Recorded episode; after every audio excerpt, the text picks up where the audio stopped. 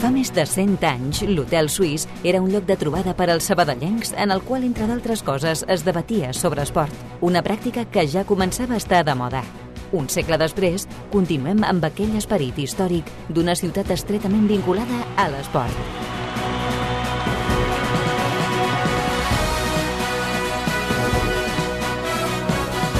Hotel Suís, amb Adriana Arroyo. A Sabadell representa que tenim unes instal·lacions que ens les envegen. Per tant, tots els grups que poguessin venir ara mateix amb el míting han estat entrenant fins ahir. Eh, molts dels que estaven aquí vol dir que aquesta gent eh, ens va bé que passi així. Ara, amigo, si després hi ha aquestes cinc coses que no són eh, per explicar, ja sap més greu. Però les pistes i l'estadi i la pista coberta continuen funcionant millor que hi vingués més gent a conèixer i ens diuen els de Madrid, Madrid Pep, Pep que, que vaya instal·lacions tenéis. No? Josep Molins ha mort aquest matí. Semblava impossible, però la veu de l'incombustible emblema de l'atletisme de Sabadell s'ha pagat avui. Només cal veure la llau de mostres de condol i d'homenatges per ser conscients de la transcendència de la seva figura. Tot cor, tot passió i al peu del canó des del primer dia i fins a l'últim com a atleta, com a entrenador, com a professor o des del 2004 president de la Joventut Atlètica Sabadell. Evidentment, la trista notícia ha eclipsat qualsevol cosa que poguéssim tenir preparada de cara avui, que serveixi aquest hotel suís com un modest homenatge al Pep, primer atleta olímpic de la història de la ciutat, amb una vida i una família estretament vinculada al món de l'esport de casa nostra. Tot l'esport de la ciutat, d'una a dues a l'Hotel Suís de Ràdio Sabadell. Amb aquesta notícia que ens ha deixat ben aixafats, comencem avui amb el Toni González a les vies de so. Què passa fora de l'hotel en un minut? Un repàs ràpid d'entrada que el Real Madrid i el Barcelona s'enfronten avui a l'anada de la segona semifinal de la Copa del Rei de futbol masculí al Santiago Bernabéu a partir de les 9. Ahir va agafar avantatge l'Ossassuna, que va guanyar el Sadar 1-0 l'Atlètic Club amb un gol d'Abde. I l'Uni Girona i el Cadí la Seu han quedat eliminats d'Europa. En el primer cas a l'Eurolliga de bàsquet femení, l'Espar va perdre a Salamanca 74-63 i a més Maria Araujo es va lesionar de gravetat al genoll en els últims segons. A l'Eurocup, el Cadí va tornar a perdre contra el Galatasaray al partit de tornada ahir a Istanbul 75-65. Més sumari.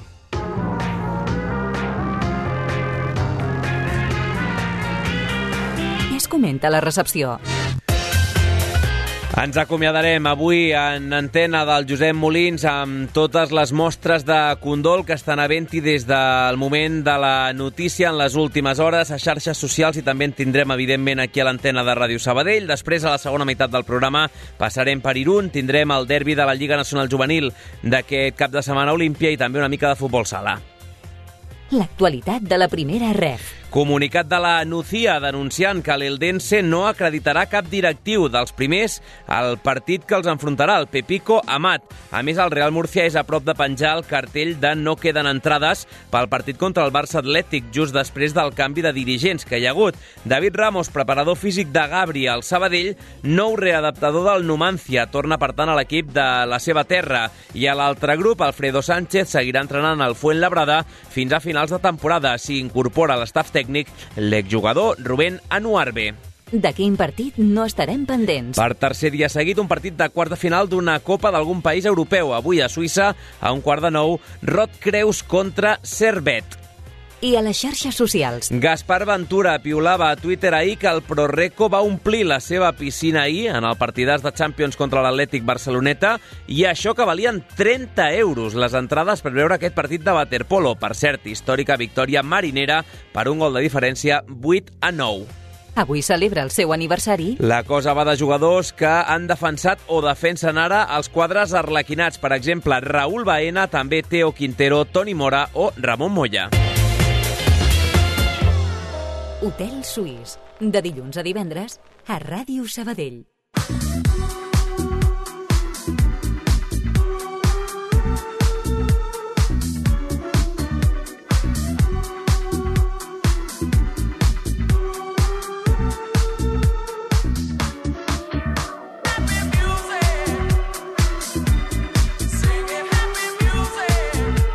Som-hi, entrem aquest dijous, dia 2 de març del 2023, el dia en el qual ens ha deixat el president de la Joventut Atlètica Sabadell, Josep Molins, que ha mort aquest matí als 90 anys. Amb ell marxa una figura indispensable a l'esport local d'aquí de casa nostra, sent el primer atleta olímpic sabadellenc l'any 60 a Roma, entre d'altres, ens hi podríem estar una estona molt llarga, però a nivell de palmarès va guanyar campionats de Catalunya, d'Espanya, dos rècords estatals, subcampionat als Jocs Iberoamericans i també, entre d'altres distincions, la Reial Ordre del Mèrit Esportiu que atorga el Consejo Superior de Deportes.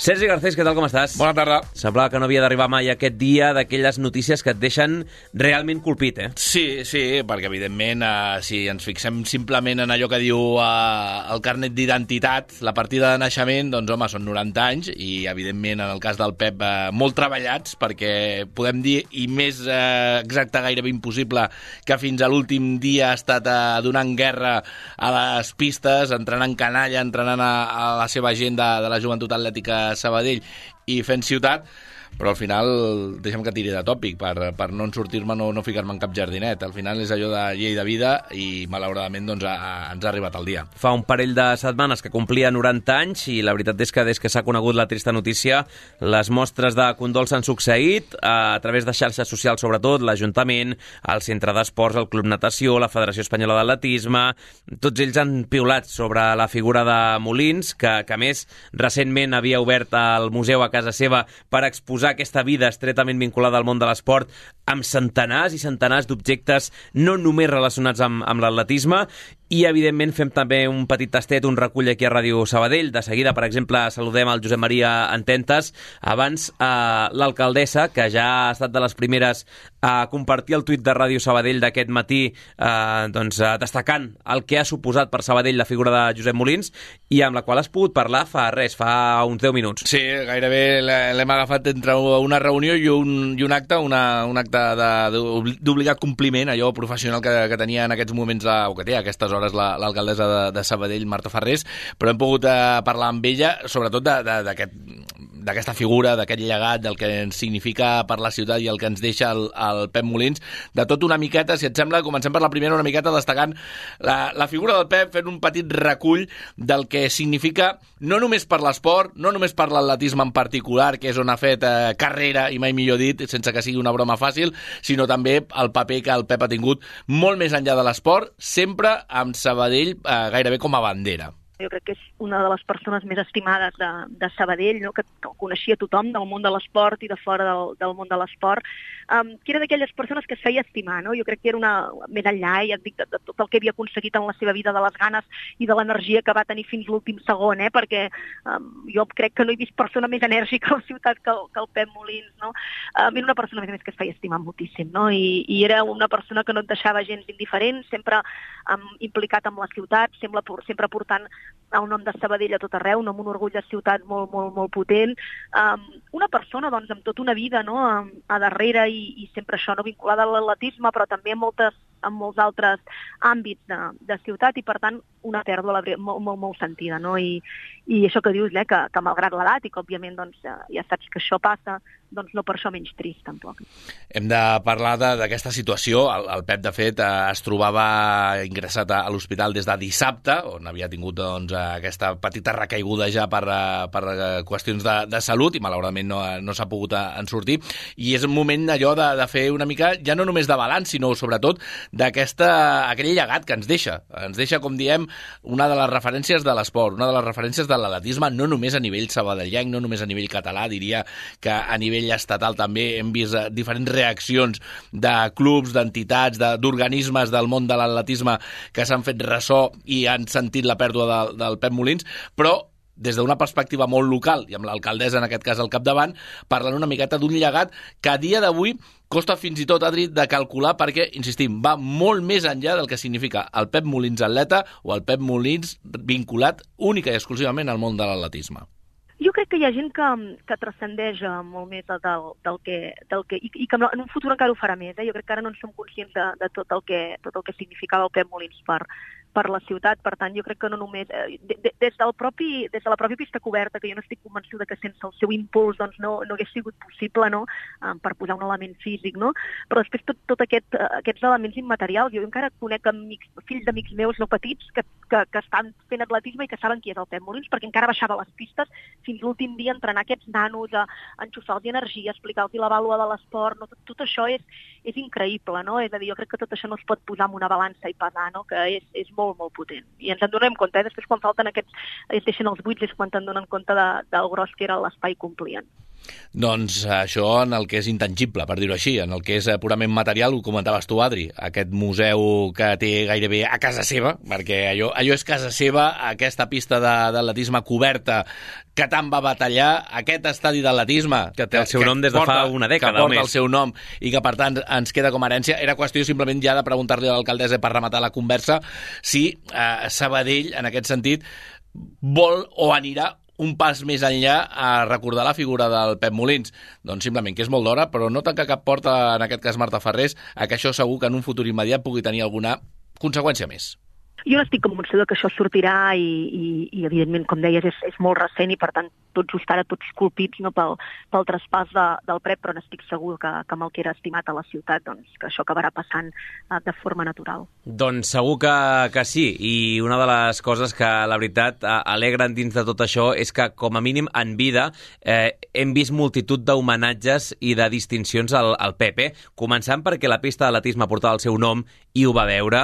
Eh, recordo algun campionat d'Espanya de pista coberta indoor aquí a Sabadell, en el qual es va aprofitar també per fer eh, un homenatge al, al Pep. A la última festa de l'esport sabadellenc també va ser homenatjat. O sigui que allò que es diu sempre que sembla que haguem d'esperar a, doncs, eh, n'ha tingut uns quants a l'alçada del que ha estat la seva carrera. Sí, i malauradament aquest pròxim que segurament arribarà aquest mateix cap de setmana, doncs eh, sí que ja haurà de ser sense la figura present del Pep Molins, però hem de recordar que hi ha campionat d'Espanya de categoria sub-20 a la pista coberta precisament de, de Sabadell i segur, segur, segur que aquest cap de setmana també hi haurà aquest record i aquest uh, homenatge sentit per la figura de, del Pep. Vinga, va, més veus. Recordant el, el Pep en antena, en directe, Josep Maria Ententes, expresident de la JAS del 84 al 92 i també exvicepresident de la Federació Catalana, una persona també vinculada al, al Josep gairebé tota la vida. Què tal, Josep Maria, com estàs? Bueno, eh, aviam, és una notícia trista, no, no per això doncs, eh, inesperada, però sí que és trista pel que ha representat el Pep doncs, en aquests últims 70 anys, no solament per l'atletisme sabadellenc, sinó també pel català, del qual va ser vicepresident en el seu moment i, i, i tot l'atletisme espanyol. No? Ha sigut doncs, una pèrdua que, que ja dic que serà difícil d'omplir aquest buit, però que la joventut atlètica Sabadell haurà de seguir al davant. Ajuda'ns una mica, Josep Maria, a entendre la dimensió de la figura del, del Pep, de fins a quin punt era gran la seva, la seva carrera i el seu llegat. Bé, el Pep, a part de la seva capacitat com a atleta en si, recordem que va ser olímpic a Roma l'any 1960, els seus coneixements ens els va impartir a tots, tots els que hem entrenat amb ell durant uns moments de la nostra vida esportiva i que potser es pot culminar amb la Carme Valero, la número 1 del món, no? en el seu moment al camp a través, i també perquè va ser la primera dona olímpica, i també amb en Miguel Quesada, dues vegades olímpic, i que també ell el va entrenar en alguns moments, i així amb tots. El que passa que la cosa del Pep anava més enllà de, del tema dels grans campions, sinó que el veies sempre, sobretot amb la quitxalla, amb crossos escolars, fossin doncs, a, a Can fossin a la Salut, eh, fossin, no sé, era un tipus d'un home d'una empenta realment descomunal i que en el món de l'esport jo diria allò tan popular de posar, diguéssim, el, el carro per davant dels cavalls. No? Anem a fer això i ho anem a fer. Després ja en parlarem si passa alguna cosa. Jo resumiria eh, el caràcter del Pep eh, amb aquella frase de que era molt Pep, no? i per això doncs, això ha deixat una, una petjada profunda a, a l'atletisme en general tot passió, tot carisma, i la veritat és que contagiava vitalitat. Crec que era l'alcaldessa que utilitzava la paraula energia, eh, enganxava quan parlava, quan explicava anècdotes. Ara que deies el tema de Roma, per exemple, a mi sempre m'ha quedat molt, molt clavada molt marcada, aquella anècdota que explicava de quan el van intentar fer venir cap aquí un cop ja havia competit a Roma i ell va dir, home, a veure, si he arribat fins aquí, sóc olímpic, encara que ja hagi competit, jo me'n vaig a un càmping, m'alimento si cal, a base de llaunes de sardines durant dues setmanes, però jo vull veure la resta de campionats, jo no vull tornar encara. I, evidentment, van sortir-se'n amb la seva. Sí, evidentment era el tipus de caràcter del Pep, això mateix ho podíem fer extensiu als Jocs Olímpics de Múnich el 1972, on hi vam anar una colla de gent d'aquí de la Joventut Atlètica Sabadell i que realment doncs, també sortien coses semblants a aquestes per poder nosaltres doncs, gaudir de, de, de l'espectacle olímpic, entrar a l'estadi com fos, i tot i que va haver un acte terrorista importantíssim, però vull dir, era un tipus que tirava al davant amb tot això i, a més a més, disposat no solament a la Joventut Atlètica Sabadell, se n'ha un far de travessar Espanya portant perxes a sobre el cotxe de, de, de clubs catalans, que mateix aquell dia potser no n'hi havia quasi ningú de la Joventut Atlètica Sabadell amb aquesta expedició, però sempre estava a punt i amb allò de sí, nen, sí, sí, no, eh, fem això. I ho feia i tirava algunes coses poden ser controvertides a la, per la seva mateixa figura, però vull dir, ja et dic que a vegades ara que estava ja molt malalt i tard o d'hora sabíem que passaria això, moltes vegades m'he fet la pregunta de què hauria estat la joventut atlètica Sabadell sense el Pep Molins, no? una altra dimensió, una altra cosa, i ara ho veurem, no? però seguirem endavant, això per descomptat. Poques figures eh, poden estar al seu nivell. És que, és que, de fet, Josep Maria, ja no a nivell d'atletisme, que és una obvietat, sinó tu agafes tot l'esport de la ciutat i em venen al cap molt poquets Pep Molins, eh? Sí, saps què passa? Que han passat moltes i moltes generacions. Jo ara que ja tinc eh, també uns quants anys, no? A vegades comento o parles amb algú, no, és que jo baixava les pistes i hi havia el Pep, i llavors, per sempre, doncs ara és un advocat, és un metge, és un polític, el, el, el que sigui, no? I, I han passat moltes generacions, uns amb més temps que, que els altres, uns han passat d'una manera molt ràpida, els altres ens hem quedat eh, doncs, a, a donar un cop de mà, però sempre jo recordo la meva època de president de la Joventut Atlètica Sabadell, doncs demanar-li consells com fem això, com fem això altre, i ell sempre al costat, tira endavant. Mai va voler ser, fins als últims, fins als últims temps, no va voler ser mai president de la Joventut Atlètica Sabadell. Si trobava algú que tirés el carro ja li anava bé. Doncs llavors ella en, ens ajudava i, i en recolzava amb les seves experiències i els seus coneixements, no? I després, finalment, doncs, ha estat el president eh, amb els últims anys, no? Crec que ha estat una gran vida, una vida molt extensa, una vida dedicada més enllà del 100% a, l'atletisme i que bé, doncs, és un referent per a la ciutat, com altres grans eh, esportistes han tingut aquí a Sabadell i que s'ha fet eh, extensiu a, a més enllà de les nostres, entre cometes, fronteres geogràfiques. L'última, Josep Maria, sé que és molt difícil, però si l'haguessis de descriure amb una paraula o amb una frase, com ho faries?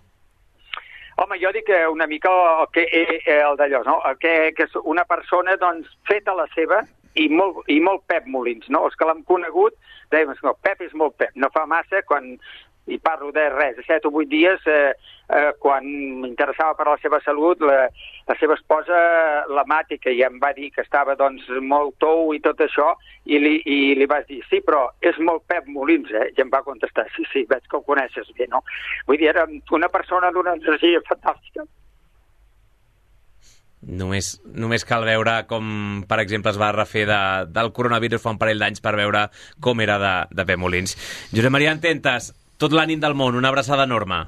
Gràcies. It's enough that I know our time Un dia de moltes, moltes emocions amb aquest comiat del Pep Molins. Saludem a la presidenta de la Federació Catalana d'Atletisme, la Mercè Rosic. Mercè, què tal? Bon dia. Hola, bon dia. Amb què et quedes de les múltiples facetes del Pep, avui que l'acomiadem? Bé, eh, ara estem escoltant eh, les últimes paraules del Joan Maria Ententes.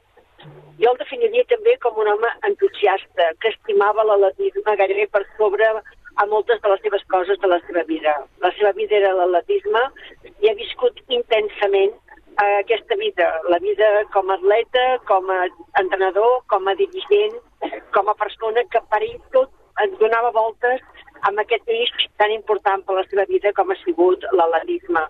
Eh, jo diria això, no? aquest entusiasme, aquesta alegria, aquesta dedicació eh, ell estava a les pistes, jo sempre deia que, que el Pep eh, gairebé, gairebé el veuríem morir a la pista i gairebé, gairebé poc ha faltat, perquè fa 15 dies que encara estàvem nosaltres compartint a competicions aquí a la pista de coberta de, de Sabadell. Mm -hmm. um, ara que veia, per exemple, a Twitter Alejandro Blanco, el president del COE, que deia tristemente hoy nos deja una gran figura del atletismo español, Josep Molins, participó en los Juegos de Roma y siempre estuvo vinculado con este deporte como entrenador, seleccionador y directivo. Gracias por tu lucha, por hacer del atletismo español una gran referència. En certa manera va col·locar Sabadell al mapa atlètic de Catalunya i d'arreu. Uh, sí, ell va ser el primer olímpic, atlet olímpic de Sabadell i, i crec que ell va anar portant sempre el nom de la ciutat i encara ara, i penseu que ell ha sigut un lluitador perquè va ser un lluitador i ha sigut un lluitador perquè la pista coberta sigués a Sabadell, eh, va defensar moltíssim i ara actualment Sabadell és l'única pista coberta que tenim a Catalunya eh, i és un referent eh, a totes les pistes cobertes que hi ha a Espanya. Aquest cap de setmana mateix dissabte i diumenge acollim el Campionat d'Espanya sovint. Cada any intentem fer un campionat important i ell ha sigut l'ànima. Eh, ell, és, escrivia, vivia, ell necessitava estar a la pista. Era el primer d'arribar i l'últim de marxar. I ell estava, estava fent el que calgués en una pista d'atletisme. A vegades dèiem, un Pep, ja n'hi ha prou, no? Perquè tant el veies doncs, carretejant una tanca, com el veies eh, animant un atleta, com el veies controlant si els cons eh, estaven ben col·locats o estaven mal col·locats, o si la, el material estava al seu lloc. Era això, era aquest home vinculat a... a, a, a, a ell era l'atletisme, ell era l'atletisme. Hmm. Al Josep Maria li demanàvem la, la lectura en clau sabadellenca. Si aixequem més la vista, no només aquí a la ciutat, sinó per l'atletisme català, quina importància ha tingut la, la figura del Josep Molins? Ha sigut clau, ha sigut un referent. Uh, jo crec que totes les persones que fent atletisme als anys 60, quan ell va ser olímpic a Roma, fins actualment, fins a l'actualitat, amb els entrenadors, els dirigents, els atletes, parlar Pep Molins és parlar d'això, d'un home que ha viscut, que ha estimat i que estava estimant des l'últim moment a l'atletisme. Ha portat molt, molt, molt. També era un home crític, també era un home molt crític i, i, i per tant jo l'he vist doncs, també enfadar-se, a criticar i, i tal, però ha sigut un home també que ha criticat però construït que és el que dona més valor encara a ell com a persona, no? Ha criticat molt, però també ha construït moltíssim i ha construït en favor sempre d'aquest esport que, com deies, el que ell ha estimat moltíssim. Per tant, és un gran referent per, per, pels que som ja grans i pels que som joves. Hmm. Uh, acabo, suposo que molt d'hora encara, no?, per parlar d'homenatges, encara que, com comentàvem ara, tenim cita aquí a, a Sabadell en qüestió de dies. A veure, eh, tot és molt recent. Eh, evidentment, aquest cap de setmana hi ha un recordatori per, per ell. Eh, hi ha un minut de silenci i, i penso també que l'Ajuntament de Sabadell eh, doncs, també farà, ens ajudarà una mica amb, aquesta, amb aquest dol. Aquest, aquest cap de setmana portarem el dol. Portarem el dol de que la seva pista, la pista que ha lluitat, doncs, ha deixat, a, a, com dèiem, aquest referent, no? Evidentment, hi haurà, hi haurà homenatges. Ell n'ha tingut en vida, penso que això és molt important també, jo avui parlant amb la regidora d'Esports de l'Ajuntament de Sabadell i deia que, que agraeixo moltíssim que amb motiu del centenari de la jazz eh, també he fet un homenatge amb, amb ell, que ja vaig ser també la penya i el privilegi de poder-hi de poder estar a la festa de l'esport de Sabadell aquest any, que va fer un homenatge també, com dèiem, amb aquest centenari. Però jo crec que ara també, eh, a títol pòstum, també hem de fer un altre homenatge gran a aquest home gran de l'atletisme català. Doncs segur, segur que, que sí. Mercè Rosic, presidenta de la Federació Catalana d'Atletisme, gràcies per atendre'ns uns minuts. Una abraçada. Gràcies a vosaltres.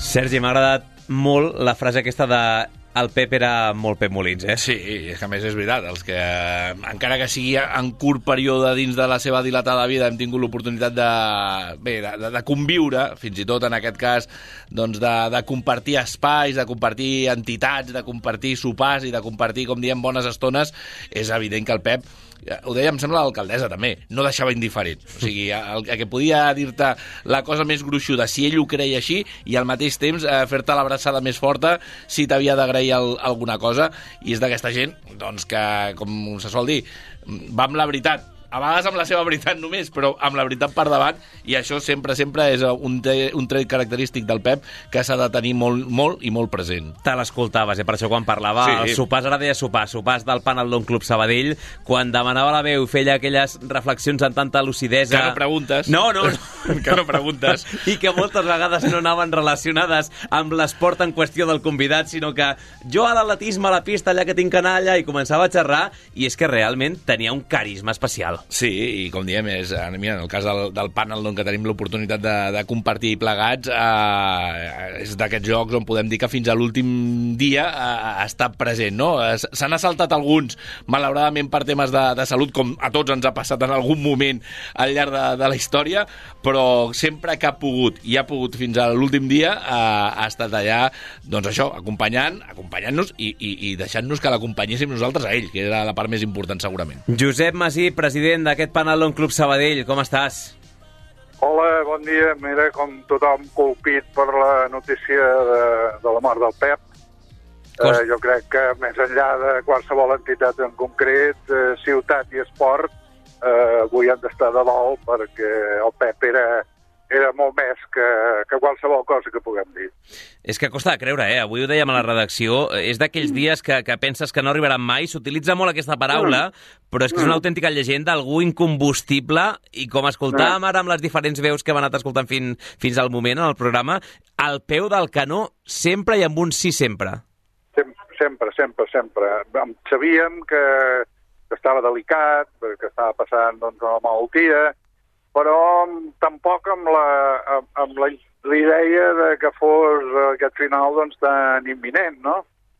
Eh, però bueno, avui ha sigut un cop molt fort eh, quan hem començat a rebre trucades, missatges de tot arreu, doncs, eh, informant-nos d'aquesta trista notícia. No? Destacàvem ara el, el seu caràcter, el seu tarannà, que, que quan parlava, en aquests sopars del Panadlon Club, és només un tastet del que ha estat sempre el Pep, però si ell parlava te l'escoltaves. Sí, sí, aviam, ell, eh, ell no deixava d'intervenir mai, mai. Eh, a més a més, eh, no sabem que, que, sabíem que arribava corrents de les pistes i era una mica... Dic, bueno, quan arriba el Pep comencem a sopar, no? Era una mica la norma que teníem, però un home que sempre intervenia, a vegades doncs, fent preguntes, a vegades explicant-nos anècdotes, eh, aviam, aquesta trajectòria seva, perquè, clar, tots recordem els Jocs Olímpics de Rom, bueno, recordem, recordem... Eh, Les que anècdotes que explicava, edat. sobretot. però eh, els Jocs Olímpics de Roma on va anar com a atleta, però després ell ha estat una pila més doncs, com a entrenador, com a acompanyant, com a directiu, per tant, ens explicava històries de Mèxic, ens explicava històries de, de tants i tants llocs doncs, on, on havia estat, amb, amb les seves funcions després doncs, com a entrenador, com a directiu, no?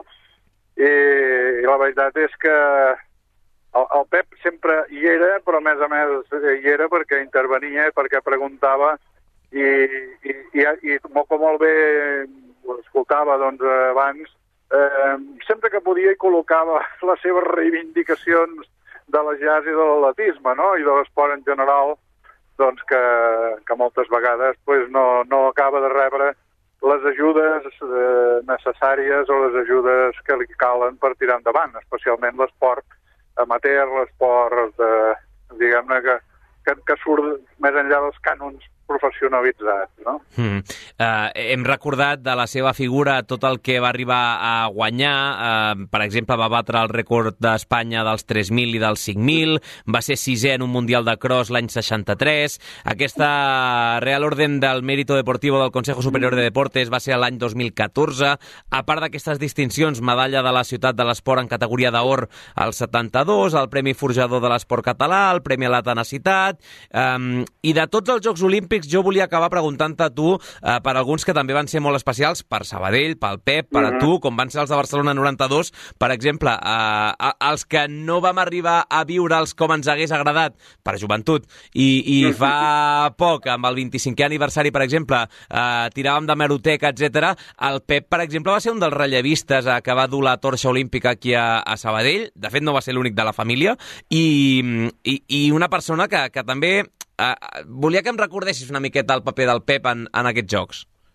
Bueno, Pep eh, va ser un relevista, però no un relevista qualsevol, sinó l'últim relevista de Sabadell. Eh? Va ser el que, el que la ciutat de Sabadell va fer l'últim relleu, que com sempre té aquest, aquest valor extraordinari i després implicat com moltíssima gent eh, de fet, tota la gent de l'esport que hi havia en aquell moment, d'una manera o altra, ens teníem que implicar, no? I a mi em va tocar, no, no precisament en l'esport, però sí amb la Creu Roja, doncs està al Palau Sant Jordi, però ell estava a l'estadi, estava en les competicions doncs, eh, de, de marató, de, de, de marxa, aquestes doncs, que, es feien, que es feien fora dels estadis, eh, i els pavellons, vull dir que ell, ell estava tot, estava tot, vull dir que el Pep, eh, el Pep i, i, i qualsevol persona que estima l'esport, jo crec que el més gran que pots tenir és, una, és un Jocs Olímpics eh, a, la, a la teva ciutat, molt a prop de la teva ciutat, no? Això és, això és un, una fita que lamentablement veiem que, que, que s'allarga, no? I que, I que potser ja les nostres generacions no, no ho tornarem a veure. Espero que vosaltres sí, eh? els joves, que pugueu gaudir de tenir uns jocs eh, al costat de casa. Josep Masip, que el trobarem a faltar, el Pep, en els sopars del, del Panalón. Una abraçada, també.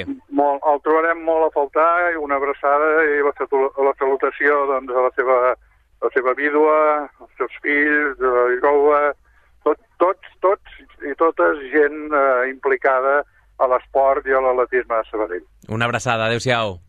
Molt bé, gràcies a vosaltres. Adéu, adéu. Sergi, per rematar-ho, és que a sobre, més enllà de tot el que hem dit fins ara, és que no només és el Pep, és tota la família vinculada al món sí, de l'esport. Sí, evidentment. Ara toca, com deia el Josep, pensar en la Mati, que també ha estat dona de, de l'atletisme, segurament com eh, quan no es podia o no era tan normal que les dones fessin atletisme. Eh, el Jordi, evidentment, a més el, el tenim ara doncs, acompanyant la, la Mercè Rosic al capdavant de la, de la vicepresidència, en el seu cas, de la Federació Catalana, la, la jove, o la dona del, del Jordi, doncs la Sònia Rayo al capdavant del Consell, de, el Consell Escolar, no? el Consell Esportiu de, de Sabadell Vallès Occidental. Bé, els nets, no, les netes... Els nets dels Estats Units clar, fins clar, i tot, que sempre que, explicava anècdotes també. O sigui... Per això diem que, que, que és una família molt vinculada, evidentment, a l'atletisme en particular, jo ho ampliaria molt a, a l'esport en, en general i a la ciutat. Doncs com dèiem en començar, que serveixi tota aquesta mitjoreta de ràdio que hem fet ara com a homenatge per una figura transcendental de l'esport de casa nostra que avui ens ha deixat, com és el Pep Molins. Gràcies, Sergi, una abraçada. Fins ara.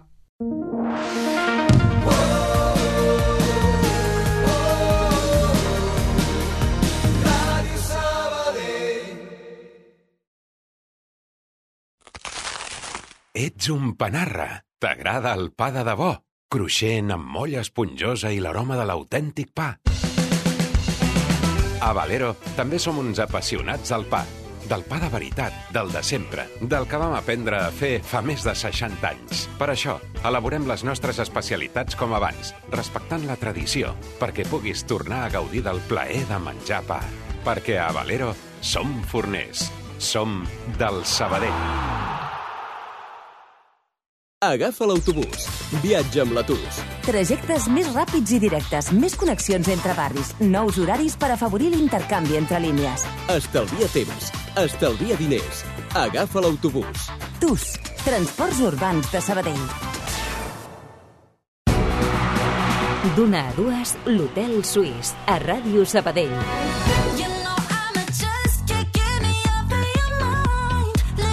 Dos quarts i mig de dues, la mort del Pep Molins, que ha marcat molt l'actualitat esportiva del dia d'avui. Anem a parlar també uns minutets del centre d'esports i de la seva visita aquest cap de setmana a Irún, a la ciutat fronterera del País Basc, per visitar el Real Unión, un club que compta des de fa res, no arriba un mes, des del 13 de febrer, amb un exarlequinat, Marc Vales, internacional andorrà, 84 partits amb la seva selecció, que ha apuntalat l'equip guipuscoà i que s'enfrontarà diumenge al seu últim equip formatiu. Va arribar aquí a Sabadell amb 17 anys, sent encara juvenil, i fins i tot va debutar com a sènior amb el filial Arlequinat. Ha plogut, eh, per això, des d'aleshores. Com estàs, Marc? Bones, tot bé, tot bé per aquí. Eh, Esperant a diumenge. per, per fer-nos una idea, ara el Sabadell té els seus tres primers juvenils en les tres màximes categories de futbol formatiu, el filial ha arribat a estar tercera, ara està primera catalana. En aquell moment, el Sabadell B, en el qual vas debutar, eh, jugava al camp antic del mercantil contra els Lepanto, Camboada, Carolinense, Juan 23 i companyia. Ha canviat molt, eh, el tema? Sí, la veritat que sí, i encara me'n recordo moltíssim de l'Olímpia, Camp de Terra, bueno, allò era un altre món, la veritat. L'has vista, per cert, últimament o no, Olímpia? No, he de dir que no, i, però bueno, he vist fotos, he vist, m'han comentat, i la veritat que cara fa goig. Sí, sí, res a veure amb aquell camp. O sigui, dos camps de futbol 11 de gespa artificial, amb la seu de la Federació Catalana, un tercer de futbol 7, o sigui que la imatge que pots tenir del teu pas per Sabadell, eh, bastant diferent. Com el recordes, per cert, la teva etapa d'Arlequinat? Pues, sincerament, és super, super bonic, és un record molt bon per mi. Vaig, vaig realment passar l'etapa allí, com tu dius, l'última de juvenil, i inclús cremant etapes amb Ramon Moya al primer equip, me recordo jugar el partit de Copa Federació amb ells, entrenant dinà, dinàmica de primer equip. Llavors, per mi va ser una etapa molt bonica, que vaig disfrutar moltíssim i sobretot que vaig aprendre. Tu vas fer les maletes després, a posteriori, i has estat a mig món, però clar, en aquell moment havies estat al Sant Julià, a l'Andorra, era com sortir de casa, no? I per tant, no sé si per tu jugar contra el Sabadell diumenge és com recuperar aquells primers records, no? El, te, el teu salt de base a sènior. Sí, sí, ho tinc claríssim. A part, el Sabadell sempre ha estat al meu cap, és un equip pues, que, que tinc un record molt maco, com t'he dit abans, i ara enfrontar-me contra ells, contra vosaltres, el, el diumenge és, és tot un plaer i amb moltíssimes ganes. Llarga carrera després, eh? A Eivissa, a l'Aragó, al Madrid C, a l'Atlètic Balears, a l'Hospi, i després cinc anys entre Finlàndia i Noruega, al Seinäjoki i al Sandefjord, una copa finlandesa guanyada també, després a Malàisia, a Quedar, Eh, com tornes després de ser un rodamont del futbol aquí al futbol espanyol al Real Unión? Com acabes aterrant a Irún? Bueno, he de, he de dir que, que crec que va ser la millor decisió de la meva carrera, el, el sortir a l'estranger, provar lligues pues, més, més nòrdiques, que no ser una primera divisió, amb moltíssima repercussió, Finlàndia una lliga més normaleta, però Noruega una lliga amb, amb molt de nivell, i la veritat que va ser una etapa molt bonica. I l'últim ja Malàisia, que, que bueno, eh, que, que et puc dir, ja més un tema contractual que millor a nivell de futbol. I la tornada, pues, bueno, no deixa de ser un, una inèrcia, no? El futbol ja, ja un es fa gran, ja són 32 anys i sempre pues, amb, amb, amb l'ull pues, mirant una miqueta a Espanya, a tornar, a tornar on vaig començar, i ara mateix pues, mira, va sortir la- l'opció del, del Real Unión, que, que la veritat que era interessant, tant econòmicament com esportivament, perquè som un equip que hem d'intentar sortir d'aquí baix, i aquí estem, esperem quatre mesos i amb moltes ganes d'ajudar l'equip i, i jugar partits com el de cap de setmana. De moment ja primers minuts l'altre dia, debut amb la samarreta Irundarra. Què t'hi has trobat un cop ja has aterrat? Bueno, sincerament, un club, un club molt bo a nivell d'estructura, on, on ara mateix estan els Emery fent les coses molt bé i, i una família. És petit, petitó, molt, molt de la, de, del poble d'Irun, i això t'ho fa tot molt, molt, molt fàcil. Estic molt content, a nivell de- d'equip també m'han acollit amb, amb moltes ganes i tot molt familiar. Llavors ara, ara toca rendir, s'ha de tornar la, la confiança que han dipositat en mi i, i per això hem vingut. De cara a diumenge, el partit a les 12, Estàdium Gal, eh, què hem d'esperar? No sé com arribeu vosaltres i què espereu del, del Sabadell. Bueno, sabem que, que el Sabadell al final és l'equip que és, jugueu molt bé de futbol, teniu molt, molt bon tacte de pilota i, i esteu fent les coses bé, jo crec que també s'està notant que, que anireu cap a dalt i nosaltres pues, estem a la mateixa lluita. Llavors, per nosaltres el, el diumenge és una final, com, com són tots els partits. Venim de perdre contra l'AS de Logroñés i és una derrota que ens va fer mal perquè tampoc vam estar a un nivell molt alt i el diumenge pues, és el nostre dia, hem de, hem de sortir amb el ganivet a les dents i, i a guanyar a casa que ens hem de fer força aquí. Per cert, com dèiem abans, i amb això gairebé ho remato, eh, un camí de la norantena de partits amb la selecció andorrana, o has compaginat estant a l'altra punta del món, com aquell qui diu, eh, el virus FIFA compaginable també a la primera federació o no? Això és un problema, per això també crec que al final la meva carrera, la meva carrera disculpa, eh, se m'ha donat pues, a l'estranger, perquè estant aquí a la primera, a la primera ref ara mateix, abans de la segona B, és, és un problema. Eh, ara mateix en tres setmanes tenim partits internacionals, m'hauré de perdre el partit que, que tinguem aquí amb el Real Unión i no és fàcil. No és fàcil perquè, bueno, hi ha clubs, hi ha molts jugadors de molts nivells i, i això és un hàndicap per mi. Però també et dic que al final la selecció és, és prioritari per mi, m'ha donat moltíssim i em continuarà donant, llavors s'ha de compaginar. Home, i després amb gols històrics com la victòria contra Moldàvia, etc, suposo que deixa un, un regust molt, molt dolç defensar la, la samarreta del, del país pirinenc. Marc Vales, ens veiem diumenge per allà per, per Irún. Una abraçada. Molt bé, una abraçada. Adéu.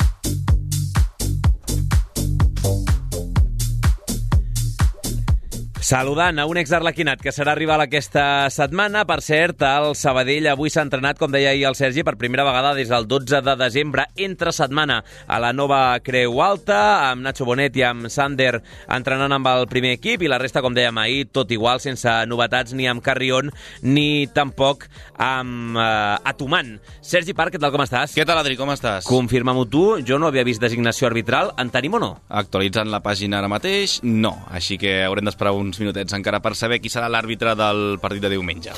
Amb tu volíem parlar res, uns minutets molt ràpid del ritme de destitucions que portem a la primera federació, perquè és espectacular, 25 jornades, 26 destitucions entre els dos grups de primera federació, és a dir, anem a més d'una per jornada, en el cas del grup del Sabadell, del grup 2, 13, o dit d'una altra manera, 10 equips dels 20, la meitat clavat, que han canviat com a mínim una vegada, si no dues, d'entrenador. Sí, recordo que al principi de Lliga, Adri, eh, dèiem que els primers set entrenadors que havien caigut a la categoria eren del grup 1, que el grup 2 es resistia. Doncs bé, amb el pas Hem de les empatat, jornades... eh? Amb el pas de les Remuntada. Sí, sí, sí, amb el pas de les jornades està clar que la cosa s'ha anat igualant. Uh, L'última caure, uh, suposo que molta gent ja ho sabrà, però vaja, que va ser Nacho González, fa tot just res, un parell de dies, eh, després del que van viure diumenge. Per cert, ben curiós aquest cas, eh? No acabes un partit eh, i acabes sent de, mm, destituït. Uh, I aquí, clar, un es pot preguntar què hauria passat si Cristian Herrera no arriba a marcar el gol des del mig del camp. Amb 0-0 no sé si s'haguessin fulminat a, a Nacho González. En tot cas, és Sergio Rodríguez qui agafa les regnes, un vell conegut del, de la UDL, qui ja estava allà a l'escola de futbol, però vaja, en tot cas és el tercer entrenador de l'equip de la Rioja Adri. Albert Aguilar va ser el primer, Nacho González el segon i Sergio Rodríguez el tercer. Curiositat, el Sabadell s'haurà enfrontat, imagino, eh, contra els tres entrenadors, que el més habitual és que potser t'enfrontis a dos. Imagines perquè entens que Sergio vindrà a la nova Creu Alta. Entenc, entenc, però Sí, sí, és una- ves, si no serà un altre. No, sigui, no, no jugar- crec que recuperin ara Nacho González, però vaja. Jugar dos partits contra un equip i que tinguin tres entrenadors diferents, eh, això és de, de rècord Guinness, Digne eh? d'estudi. Uh, en tot cas, Adri, aquest cap de setmana no només va caure eh, Nacho González, sinó que també ho van fer dos entrenadors més de la categoria, un altre del grup 2, el Nàstic de Tarragona, Iñaki Alonso, després del 0-4 contra l'Eldense, també segona destitució en els Grana, perquè en el seu dia va caure, recordo, Raúl Agné, i en el grup 1 va ser destituït Toni Otero, el nou inquilí del Pontevedra, per cert. És Impressionant. Juan Senyor. Uh, Els seus cinc últims clubs, els cinc, han desaparegut ja.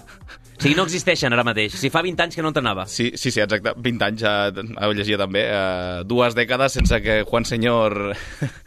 Fos eh, nerviós. Sí, sí, sí, sí eh, fos inquirí d'una banqueta, però en tot cas, mira, ara dirigirà el Pontevedra. El Pontevedra, per cert, també, tres entrenadors, eh, ja té. Eh, a principi de temporada era Antoni Hernández, qui dirigia l'equip, Toni Otero, i ara Juan Senyor. Bon ritme, per tant, també a Passaron. Eh, per tant, per resumir-ho, Parc, és més fàcil comptar els eh, equips que no han canviat d'entrenador pràcticament que els que sí que ho han fet. Sí, realment sí, perquè, va, si et sembla, comencem pel grup 2, que ho deies ara, 10 equips han canviat d'entrenador, 10 no, per tant aquí podríem, vaja, eh, anar jugant eh, amb qui seria més fàcil comptar, però bé, eh, els que mantenen eh, el tècnic de l'inici de temporada, el líder, el Dense, el Sanse, Amorebieta, el Murcia, la SDL, eh, que ara mateix el tenim a més en, en sisè lloc, el Barça Atlètic, Osasuna Promeses, el Cornellà, amb el gran paper de, de Gonzalo Riutort, l'Intercity, qui ho hauria de dir a a principi de temporada que si Viera aguantaria fins a aquest punt, i de moment doncs, eh, està allà al front de, de l'equip alacantí, i l'Alcoyano, amb Vicente Parras. Per tant, 10 equips que no han canviat d'entrenador. El grup 1 són 9 equips, un menys, eh, els que continuen amb el mateix tècnic que a l'inici de la Lliga, el Corcón, Castilla, Córdoba, Racing de Ferrol, Celta B, Linares, Cultu, Mèrida i Algeciras. Per tant, 19 equips dels 40 que mantenen l'entrenador de l'inici de Lliga. I hem volgut posar això en context d'anteriors temporades. Per exemple, estem parlant de 13 en 10 equips diferents en aquest grup 2. Si agafem l'any passat, és veritat que hi ha un asterisc, que és que el Barça Atlètic va canviar, ba- Barça B es deia aleshores, Sí. va canviar d'entrenador però perquè Sergi Barjuan va pujar al primer equip durant dues jornades i després va tornar i Albert Capelles va substituir-lo en aquell impàs. Si no el comptem, estem parlant de 12 canvis d'entrenador, és a dir, menys en 38 jornades que les 25 que portem aquestes. I de 9 equips. Per tant, estem parlant també que 11 no van canviar l'any passat i de moment enguany ja en portem 10, Ja en o portem sigui 10. que ja l'hem superat, però igualment déu nhi el ritme. O sigui, amb, amb Sergi Barjoan i Capelles, que el comptem, són 13 canvis diferents d'entrenador, que també déu nhi per una Lliga de 20. Sí, absolutament. I si m'apures, Adri, ara jo crec que ja anem per la segona tongada de canvis d'entrenador. És a dir, que al final molts, molts tècnics ja estan establerts en, en diferents equips, però hi ha clubs que no acaben de donar amb la tecla i ja van pel seu tercer entrenador. Uh, el grup 2, per exemple, el Nàstic, ho comentàvem ara, ja tingut tres tècnics diferents. Uh, L'Atlético Baleares, que no l'havíem esmentat, però vaja, eh, Jordi Roger, Onésimo, ara Tato, ja, ja van tres tècnics, i la UDL, que també ho comentàvem ara, són els tres equips de grup 2 que ja han patit, per dir-ho així, dos relleus a la banqueta que han tingut eh, tres tècnics diferents. Al grup 1 hi ha dos clubs, en aquest cas, San Fernando i el Pontevedra, que també esmentàvem ara. Per tant, per dir-ho així, insisteixo, Adri, anem ja per la segona tongada. I en el cas de la temporada passada també van ser tres els que van canviar dues vegades d'entrenador. L'Atlètic Balears també, Xavi Calm, Eloi Jiménez i Jordi Roger. El Sanluqueño amb Buenaventura, Sanlúcar i Iriondo arribant a última hora per sorpresa per acabar no salvant l'equip. I UCAM amb Salmerón, amb Salva Ballesta i el seu 200.000% de... O 600.000, els sí, que no sé, sí. bé, què sé. I Aire, que va ser el que va acabar descendint a l'equip catòlic. Última pregunta, Sergi Parc. I això és perquè la primera federació està tan igualada que igual per dos partits i et compliques la vida i si els guanyes et fots a dalt? En l'època de la segona B de tota la vida era així o no era així? Et llenço tres dades. Aviam. Són les últimes lligues de 38 jornades, quatre grups de, de, de, de 20 equips cadascun. És a dir, ho dic d'una altra manera, si traiem la primera federació, si traiem aquella mm, segona B Transformer, crec que deia Esteve Calzada, Frankenstein, o Frankenstein, la teva o... versió era Transformer, Correcte, sí. jo sempre la canvio, no, no recordo bé mai la paraula. En tot cas, i si també canviem uh, o, o opiem l'any de la pandèmia perquè no es van Sí. completar les 38 jornades, hem d'anar a la 18-19. En aquella hi van haver 10 canvis en total en el grup del Sabadell, amb 8 equips. Per tant, estem parlant de molts menys, i això que el Sabadell va ser un dels animadors. Sí. Amb Saligrat, amb Kiko i amb Antonio Hidalgo. L'altre va ser Escobar Guti i Òscar Cano, ara al Depor, en el Castellón. I amb el permís de l'Alcoyano, que va tenir a Mario Fuentes com a entrenador interí, que no l'he volgut comptar perquè va ser transitori. Un any abans es va animar la cosa, a segona B, 14 destitucions, però clar, la- les estaríem fregant ja. Sí. I queda molta lliga per davant, primer cap de setmana de, de març, i amb equips com el Balears, com l'Alcoyano, com l'Elche, que va estar a la part alta de la classificació, però també va canviar dues vegades d'entrenador, etc etc. O sigui que déu nhi el ritme. Jo crec que producte del perfil d'equips que hi havia en aquell grup, amb el Mallorca, amb l'Elche, hi havia molt coco aquell any. Però si anem a l'anterior, i amb això ho remato ja, eh, poso un asterisc. M'he permès el luxe d'obviar l'Eldense perquè amb l'escàndol de les apostes, de la plantilla nova, etc va canviar només l'Eldense cinc vegades d'entrenador. O sigui que això m'ha trencat l'estadística per terra. Si obviem l'Eldense, la resta de la Lliga només va tenir sis canvis d'entrenador, en sis banquetes. Les altres, els que van començar, van acabar la Lliga. Per tant, com a resum, la primera federació té unes banquetes que cremen més que les de les antigues segona B. Absolutament, amb aquesta igualtat que també deies a, com a primera premissa. I ara jo, Adri, llanço l'última pregunta abans de marxar, simplement. Eh, hi haurà algun equip que arribi doncs, als a tenir quatre entrenadors diferents. Jo crec que hi ha marge perquè encara es produeixi perquè algun nou entrenador agafi les regnes de cara a les últimes 4, 5, 6 jornades de Lliga. Però bé, eh, es veurà. En tot cas, molts canvis i segur, Adri, que això sí, en les pròximes setmanes algun mes acabarà caient veient el ritme que hi ha a la primera federació. No diré qui, però la meva aposta és sí, arribarem als quatre. Gràcies, Sergi Parc. Marxo, però ara m'escoltes, eh? L'escolto, l'escolto perquè diumenge a les 12 tenim aquest Real Unión Sabadell, però a la tarda Olímpia partidàs a la Lliga Nacional Juvenil entre el juvenil B del Sabadell i el Club Esportiu Mercantil, un derbi que promet emocions fortes amb els dos equips situats al capdavant de la classificació. I el Sergi Parc s'ha currat la prèvia amb les dues bandes, l'Arlequinada i la Mercantilista, abans de veure's les cares en aquesta nova jornada de la Lliga Nacional Juvenil a Olímpia.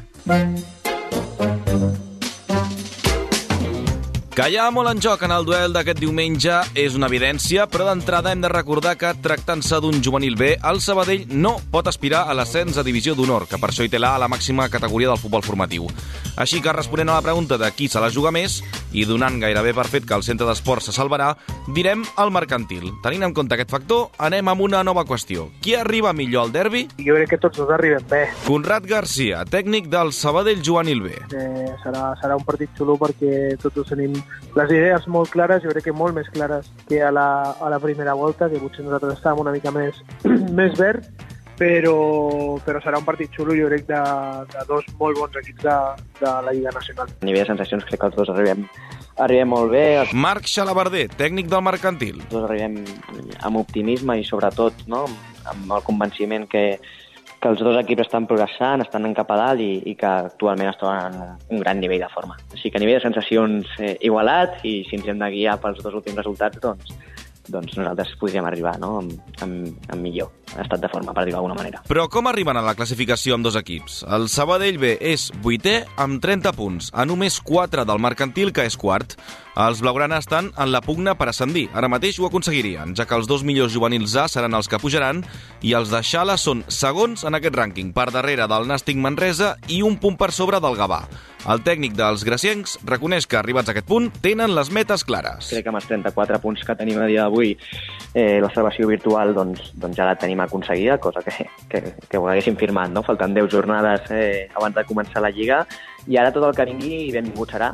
Eh, no t'enganyaré, ara ja, ja hem assolit, no? Sembla la salvació quasi matemàtica virtual, per tant, ara ja podem centrar-nos no? amb, amb altres, no objectius, perquè no considero que sigui l'objectiu, però sí amb, amb, amb el somni no? d'intentar aconseguir l'ascens i, i deixar el mercantil a divisió d'honor. I per aquest fet, Conrad Garcia trasllada la pressió al mercantil i no s'obsessiona en el fet d'intentar quedar per sobre a la taula. Si quedem quarts millor que vuitens, però sabem que va de, de pocs punts i de, i de detalls concrets. Sí que la classificació aquesta dels AS eh, jo crec que a ells els hi, porta, els hi posa aquest punt de pressió no? d'haver de, de guanyar perquè estan molt a prop de, de Gavà, sembla que el gimnàstic de Manresa és molt consistent i s'escapa, llavors al final ells tenen aquesta pressió. Aquest cara a cara de la segona volta també estarà marcat pel que va passar a la primera.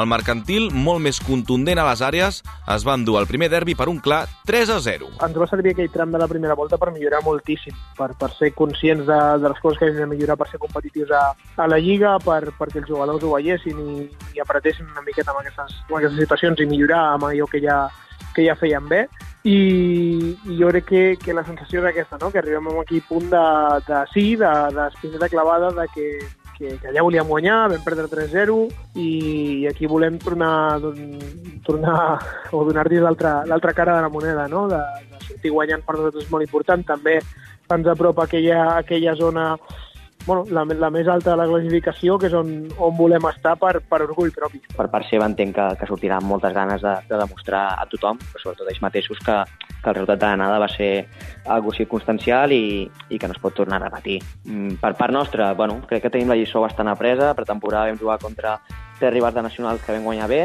i la primera volta no vam guanyar cap dels tres. No? Llavors, bueno, sabem que, que moltes vegades a l'haver guanyat prèviament un partit, eh, una vegada tornes a, a enfrontar no? el, el mateix rival, gairebé mai t'assegura el, el que si no ho lluites i, i, i bueno, eh, tu mereixes, doncs, doncs sumis els tres punts. I per diumenge, per on passaran les opcions de victòria d'uns i altres? M'espero un partit eh, potser similar a, a, al que va anar ja la primera volta, on ells eh, eh, se senten còmodes sense pilota, busquen fer mal a través de, de, de transicions ràpides, de ser directes en el joc i, i si sabem defensació, si sabem minimitzar una mica aquestes capacitats que tenen ofensives, que són, que són moltes, eh, estarem a prop de la seva porteria i, i les àrees, com ja crec que ho va ser a l'anada, la, les àrees són el que, el que determinaran si, si un guanya o no.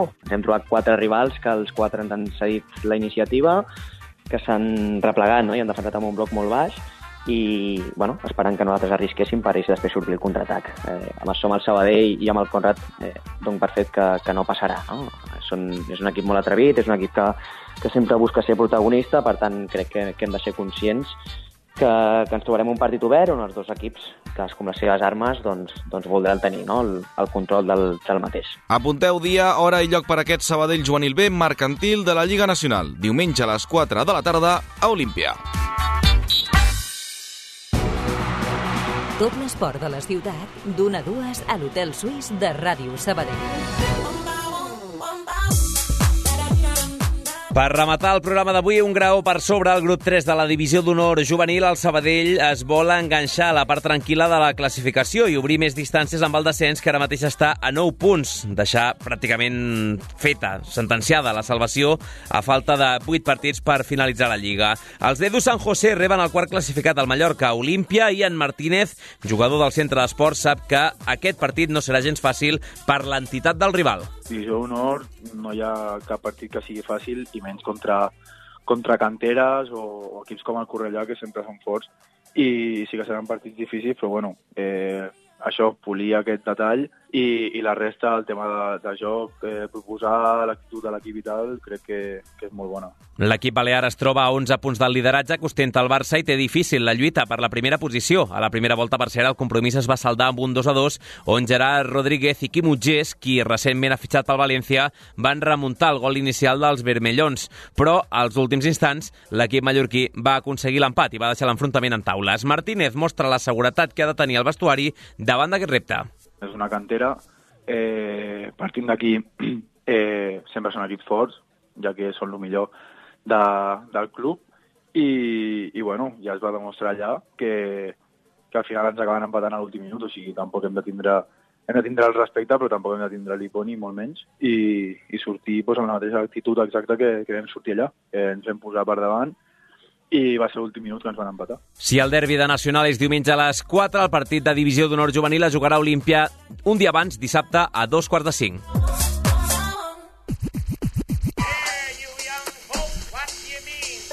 Demà tancarem setmana a l'Hotel Suís amb el Pau Vitori al capdavant del programa parlant de la prèvia del Real Unión Sabadell amb la roda de premsa de Miqui Lladó, amb David Movilla, tècnic del Girondàs i amb totes les estadístiques. També tindrem el Sabadell B, waterpolo femení, l'Oar Gràcia, un apunt de ciclisme amb David de la Cruz o futbol sala.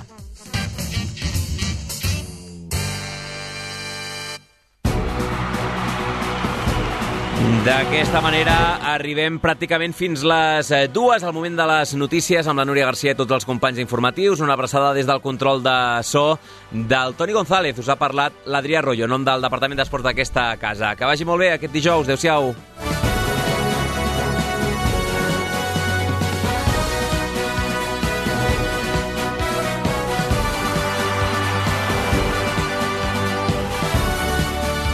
Tot l'esport de la ciutat, d'una a dues a l'Hotel Suís de Ràdio Sabadell.